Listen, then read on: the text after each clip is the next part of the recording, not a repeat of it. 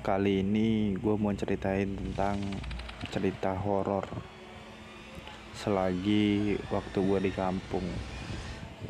Waktu itu sekitar tahun 2016 mau ke 2017 gue pindahlah sekolah di kampung. Sebelum nyari sekolahan gue tinggal di rumah kakak mamah gue di situ emang kita orang nggak pernah merasa janggal gitu. Ya biasa-biasa aja karena emang tempat lahir mama gue tempat lahir mamanya mama gue nenek gue lah. Nah kakak mama gue ini dia sikapnya selalu aneh ketika habis maghrib pokoknya habis sholat maghrib. Jadi gue ini kan kalau pagi dia orang nyari rumput kan buat sapinya. Gue orang ya paling di rumah itu ngapain sih? Ngumpul-ngumpul gitu sampai habis maghrib itu kita orang mutusin buat sholat jamaah. Jadi kakak mama gue suaminya terus anaknya dia sama cucu-cucunya dia ibarat kata cucu mama gue juga kan terus ponakan mama gue juga ponakannya ada. Pokoknya semuanya ngumpul lah keluarga besar. Intinya gitu gue nggak bisa jelasin secara detail ribet lah. Nah abis sholat maghrib itu kita orang kumpul lagi di ruang tamu. Dan kakak mama gue ini bukan kakak mama gue nyebutnya bude gue lah. Nyebutnya gue bude aja ya. Bude gue ini masuk ke kamar bilangnya mau tidur. Nah karena di situ ada ponakan gue umurnya sepantaran lah sama gue bahkan lebih tua sama dia beda 2 tahun lah. Gue putusin buat kata gue begadang aja yuk itu kata dia ya udah begadang ngapain mas kata dia. Kita main PS aja. Kebetulan di rumah situ kan ada PS sekitar jam 10 malam semuanya pada tidur kecuali gua sama ponakan gue itu. Nah gue main PS gitu. Akhirnya jam 11 itu ponakan gue bilang mas uh, aku ngantuk mas kata itu ya udah tidur biar mas aja lah yang main PS sendiri. Akhirnya dia tidur di kamarnya kan. Dia berdua sama gue kamarnya karena kan PS di ruang tamu. Jadi gue main PS sendirian di ruang tamu. Gue main game bola main main main. Sekitar jam setengah satu malam itu ada suara orang nyuci. Sedangkan di kampung gue itu rumahnya nggak nggak dempet-dempetan kayak di kota gitu. Jadi di sini rumah gua nanti sekitar jarak berapa ratus meter itu baru rumah orang lagi. Pokoknya bener-bener sunyi dah jauh-jauh juga rumahnya. Ya udah. Ya gua positif thinking aja halusinasi makin lama makin suara kayak orang nyuci. Srek kayak srek kayak srek kayak srek gua kayak gimana nih ya? Apa masa iya halusinasi? Sampai lama banget kan gue pikir gitu kan. Ya udah gue samperin ke kamar mandi. Kosong. Ah kata gue nih kerjain aja nih orang rumah. Itu maksudnya dalam arti orang yang udah nggak ada ya bukan orang yang masih ada. Ya udahlah sekitar jam satuan itu makin ngeledek gitu dia. Srek srek srek srek boh saking keselnya gua ngambil gelas gelas beling gitu gue lari ke kamar mandi kan. Kamar mandinya jauh tuh. Gue lari gue lempar tuh gelas. Bulan tang. Itu sama sekali orang dalam rumah itu nggak ada yang bangun. Bapak gua mama gua uh, mbak gua mbak sepupu suaminya anak-anaknya ponakan gua terus bude gua paman gua. Pokoknya nggak ada yang bangun. Serasa tuh gue sendiri loh. Padahal itu gelas kenceng banget gue punyiin. Ya udah. Ya gue rada-rada takut. Takut sama penasaran gimana sih orang yang takut sama setan tapi penasaran ya udah gue mutusin buat ganti game yang lebih seru. Kayak Warrior. Kalau lu tahu game Warrior tuh yang berantem berantem gitu pasti lu ngerti lah. Kan itu rame juga tuh gue main itu. Sekitar mau jam 2 malam bude gue ini keluar. Gue tanyain mau ke mana dia mau aja nyelonong tuh. Kata gue nih orang kenapa sih aneh banget dari maghrib tadi? Gitu. Ngomong pengen tidur ya kan. Nggak jelas. Dia keluar belentang belentang belentang belentang belentang ya kan. Makan dia di dapur. Jadi kebetulan besok paginya nih ada acara gunting rambut ini gua ponakan gua itu yang anaknya mbak gua. Ya pasti masak banyak dong dari sore itu. Paling besok antara masak dikit sama ngangetin doang. Jadi nggak kemakan waktunya. Nah udah itu dia makan tuh. Jadi nasi itu ada tuh di bakul gede banget. Itu habis sama lauk di wajan bukan wajan kecil wajan gede gitu. Tempat penggorengan yang gede gitu. Buat acara-acara pernikahan. Buset nih orang makan bener-bener kayak kerasukan. Itu kan posisinya gue samperin ya. Gue penasaran juga dia ngapain. Gue tanyain. Bude buset makan orang gak dibagi-bagi. Dia ngeliat ngelirik gue mata tajam gitu kan terus gue takut ya udah gue balik lagi aja biarin lah nih orang biarinnya makan ya kan. nah ya udah tuh. Terus gak lama dia kayak ngobrol gitu. Ah pikir gue mana ada ngobrol kan? Jauh juga jarak ke dapur ke ruang tamu itu. Tapi kayak ada suara orang ngobrol gitu. Ya udah setelah mau masuk jam 3 nih mau kukuruyuk pagi nih ayam berkokok pagi pertama nah dia masuk tuh ke kamar. Gue tanyain lagi udah kenyang? Dia jawab hmm. Set nih orang nggak tahu diri. Gue soalnya mau bude gue kadang sering berantem gitu. Nah jam setengah empat itu uh, suaminya mbak gue udah bangun. Dia sholat tahajud sebelum setengah empat lah. Dia bangun lah belum tidur? Yuk. Belum mas ya udah tidur udah pagi juga. Tadi. Mau sholat ya mas ya iya kata dia gitu kan. Ya udah. Setelah ditegur itu gue tidur. Gue juga udah rada-rada ngantuk kan. Gue tidur dibangunin jam 5 sholat subuh dulu atau dia. Udah pada sholat subuh nih. Jadi kalau pagi itu ya sholatnya ya sendiri-sendiri karena emang masih ada yang ngantuk kan udah gue sholat subuh gue tidur lagi. Bangun jam 8 jam 8 ini kebetulan mama gue baru selesai mandi. Bapak gue belum bangun gue juga baru bangun. Ponakan gue juga. Tiba-tiba uh, bude gue ini marah-marah ke semuanya. Kata dia begini makan orang gak tahu diri kata dia siapa yang semalam begadang? Ya gue jawab gue lah. Uh, Bayu bude.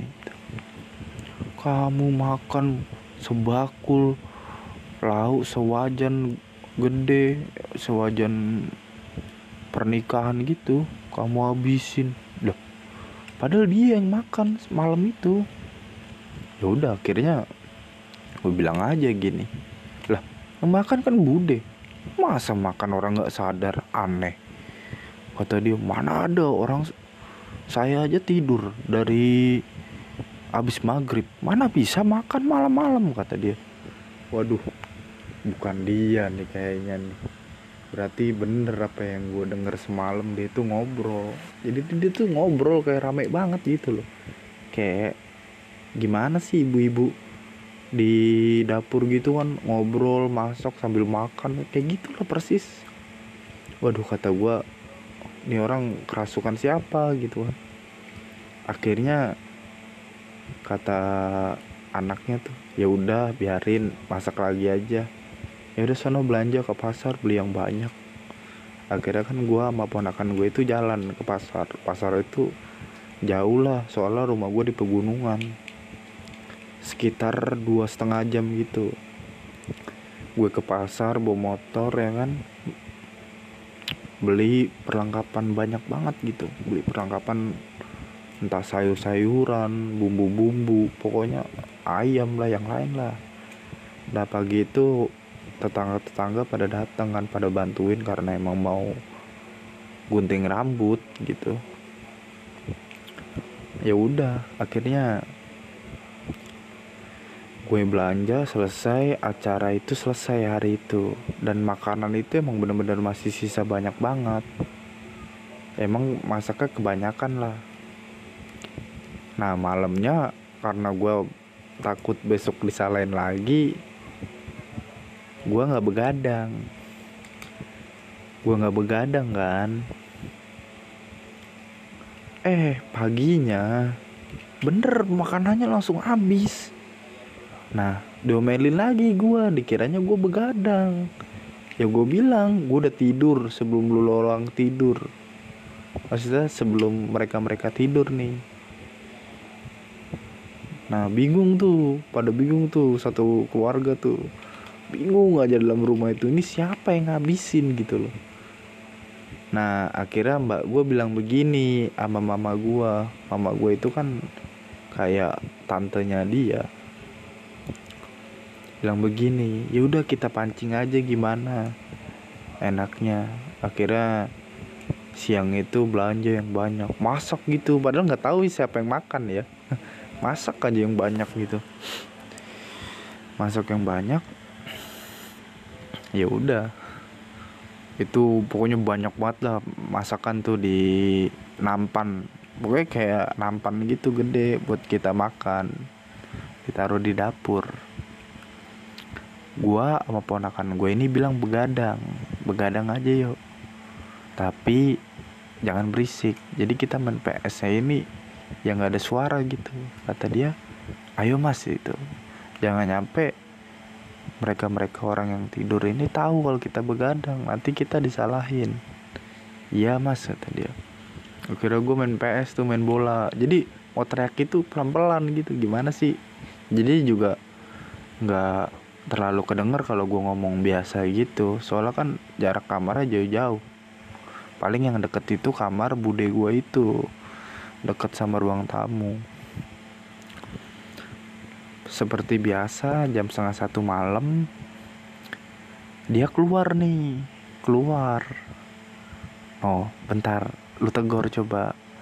Kan jat jatuhnya kan ponakan gue ini kan cucunya bude gue bilang gini bah mau ke mana bah gitu.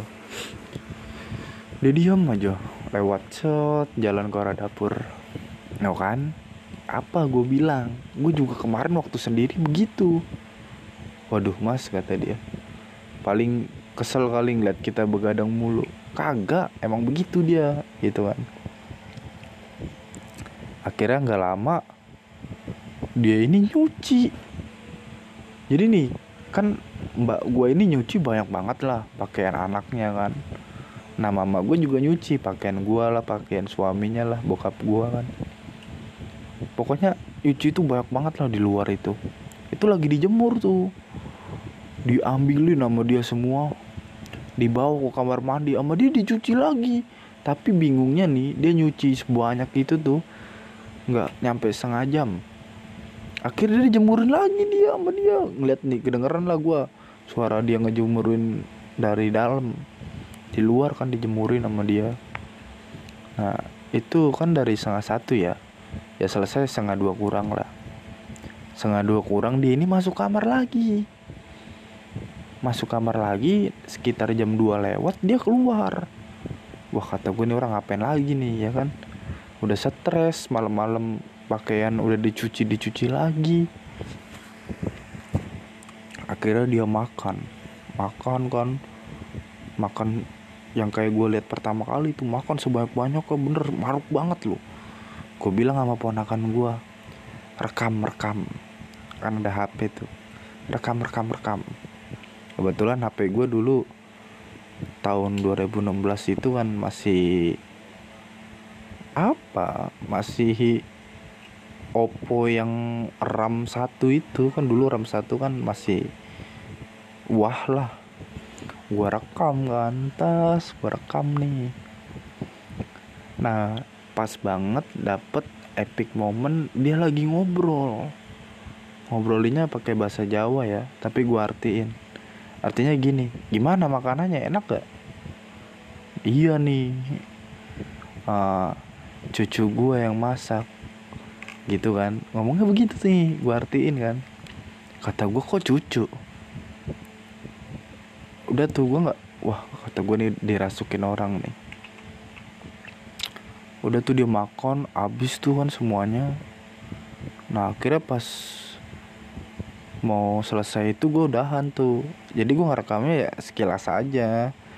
Rekam dia makan terus ngerekam dia ngobrol. Ngobrol gitu nggak tahu sama siapa kan udah itu gue balik lagi nih pura-pura tidur tidur tidur tidur. Akhirnya TV langsung gue matiin PS nggak gue matiin. Karena emang gue sepik-sepik kan totonya gue ketiduran beneran. Paginya gue dimarahin sama mbak gue orang kalau main PS mah matiin PS-nya ngabisin listrik aja kata dia gitu kan baru gue kasih tahu mbak mbak mbak gue dapet rekaman.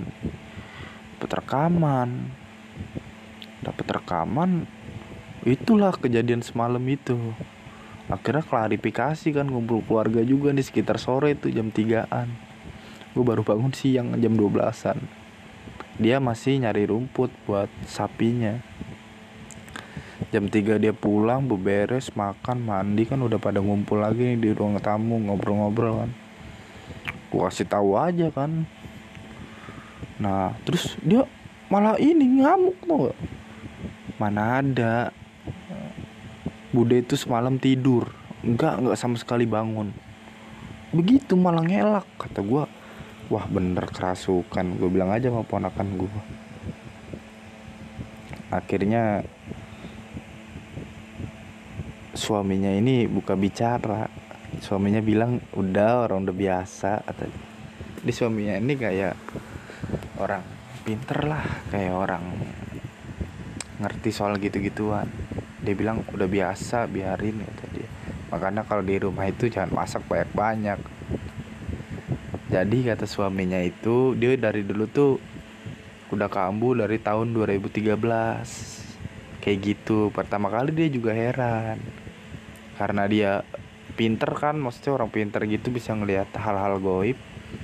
Dia itu sebenarnya kerasukan sama ibunya di nenek gua. Nah makanya waktu dia bilang enak gak masakan cucuku? Bukan berarti cucunya itu anak-anak yang kecil itu ponakan gua bukan. Mbak gua itu cucunya. Karena kan emaknya dia kan menyamak lagi cucu lah. Ya udah. Dari situ kita orang nih kalau malam nggak terlalu heran siapa yang makan gitu siapa yang nyuci.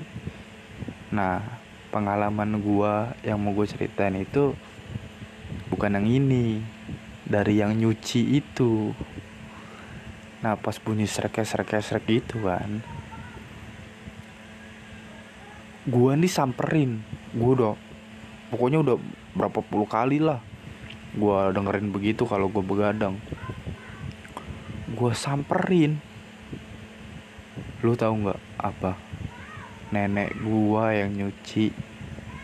Nenek gue yang udah almarhum dari gue kecil umur 6 tahun. 6 tahun apa lima tahun gitu. Lagi nyuci ngomong begini.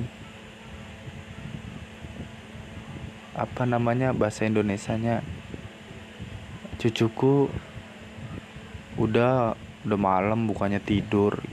Ntar sakit gitu lain kali. Kalau merantau ke Jakarta itu pulang gitu. Ingat sama mbah.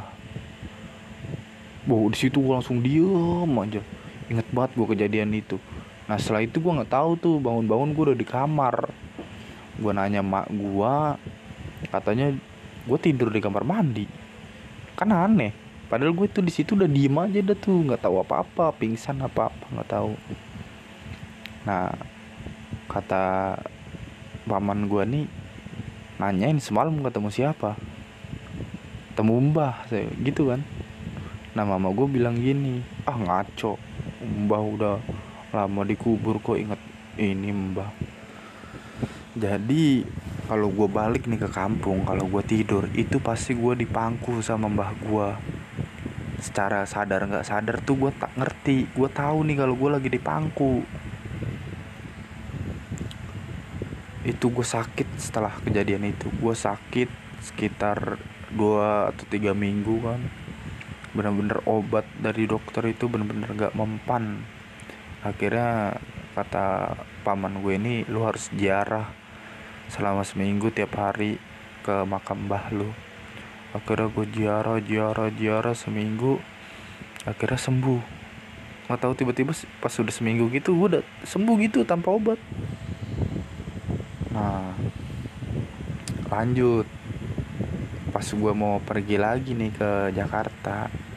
Eh nggak ke Jakarta pindah ke tempat gitulah. Daerah-daerah situ tapi kotanya mau sekolah. Pas sekolah gue ini pertama kali kan kontrak di situ. Ngontrak di kampung tuh ngontrak murah-murah lah. Gue ngontrak di situ. Betapa kagetnya gue pas malam-malam tuh tiba-tiba nih ada orang gede gede banget. Rambutnya gondrong ya kan? Mukanya hancur jelek banget. Pokoknya udah bau banget lagi. Itu gue sadar ya. Jadi samping rumah gue itu emang rumah kosong. Udah lama nggak ditinggalin. Udah gak lama gak ditinggalin terus pemiliknya meninggal. Jadi yang sebelah gue yang sebelahnya yang gue tempatin itu masih ada pemiliknya kan beda rumah. Nggak jaraknya nggak jauh paling sekitar 10 meteran. Sebelah sebelahan gue diem kaku. Pokoknya itu pertama kali gue tinggal tuh kaku diem aja gue sampai bener-bener mau teriak mau lari itu udah bener-bener kekunci nih mulut sama kaki. Buset kata gue serem banget nih. Udah udah tuh gue berusaha ngelupain kejadian itu gue nggak bilang sama bapak gue kan. Tapi gue diganggu mulu tapi diganggunya nggak secara nyata ya. Kayak iseng aja lagi berak gue digedor-gedor ya kan. Gue kesel gue bilang lah bapak gue nah gue bilang bapak gue bapak gue ini bilang sama yang punya rumah. Kebetulan yang punya rumah ini orang pintar juga dia ngerti lah hal-hal goib gitu. Kayak santet lain-lainnya dia ngerti. Tahu taunya mbah gue ini ngejagain gue jadi gue tuh pengen di pokoknya pengen dicelakain lah sama tuh yang penghuni situ. Nggak tahu perkara apa. Ya kan apa perkara gue nggak sopan kali masuk situ tiba-tiba masuk tanpa salam. Tapi perasaan gue gue udah salam udah minta izin nah mbah gue ini ngejaga gue bener makanya dia kesel sampai nampakin dirinya itu. Udah sih gitu aja pesan buat kalian. Kalau masuk ke tempat baru itu jangan lupa salam jangan lupa berdoa agar diberikan keselamatan kan? Emang kalau yang nggak percaya sih silakan. Tapi menurut adat gua orang Jawa emang hal-hal mistis gitu masih ada. Apalagi kita tinggal di Indonesia kan beragam budaya beragam cerita pasti nyangkut. Ya udah. Makasih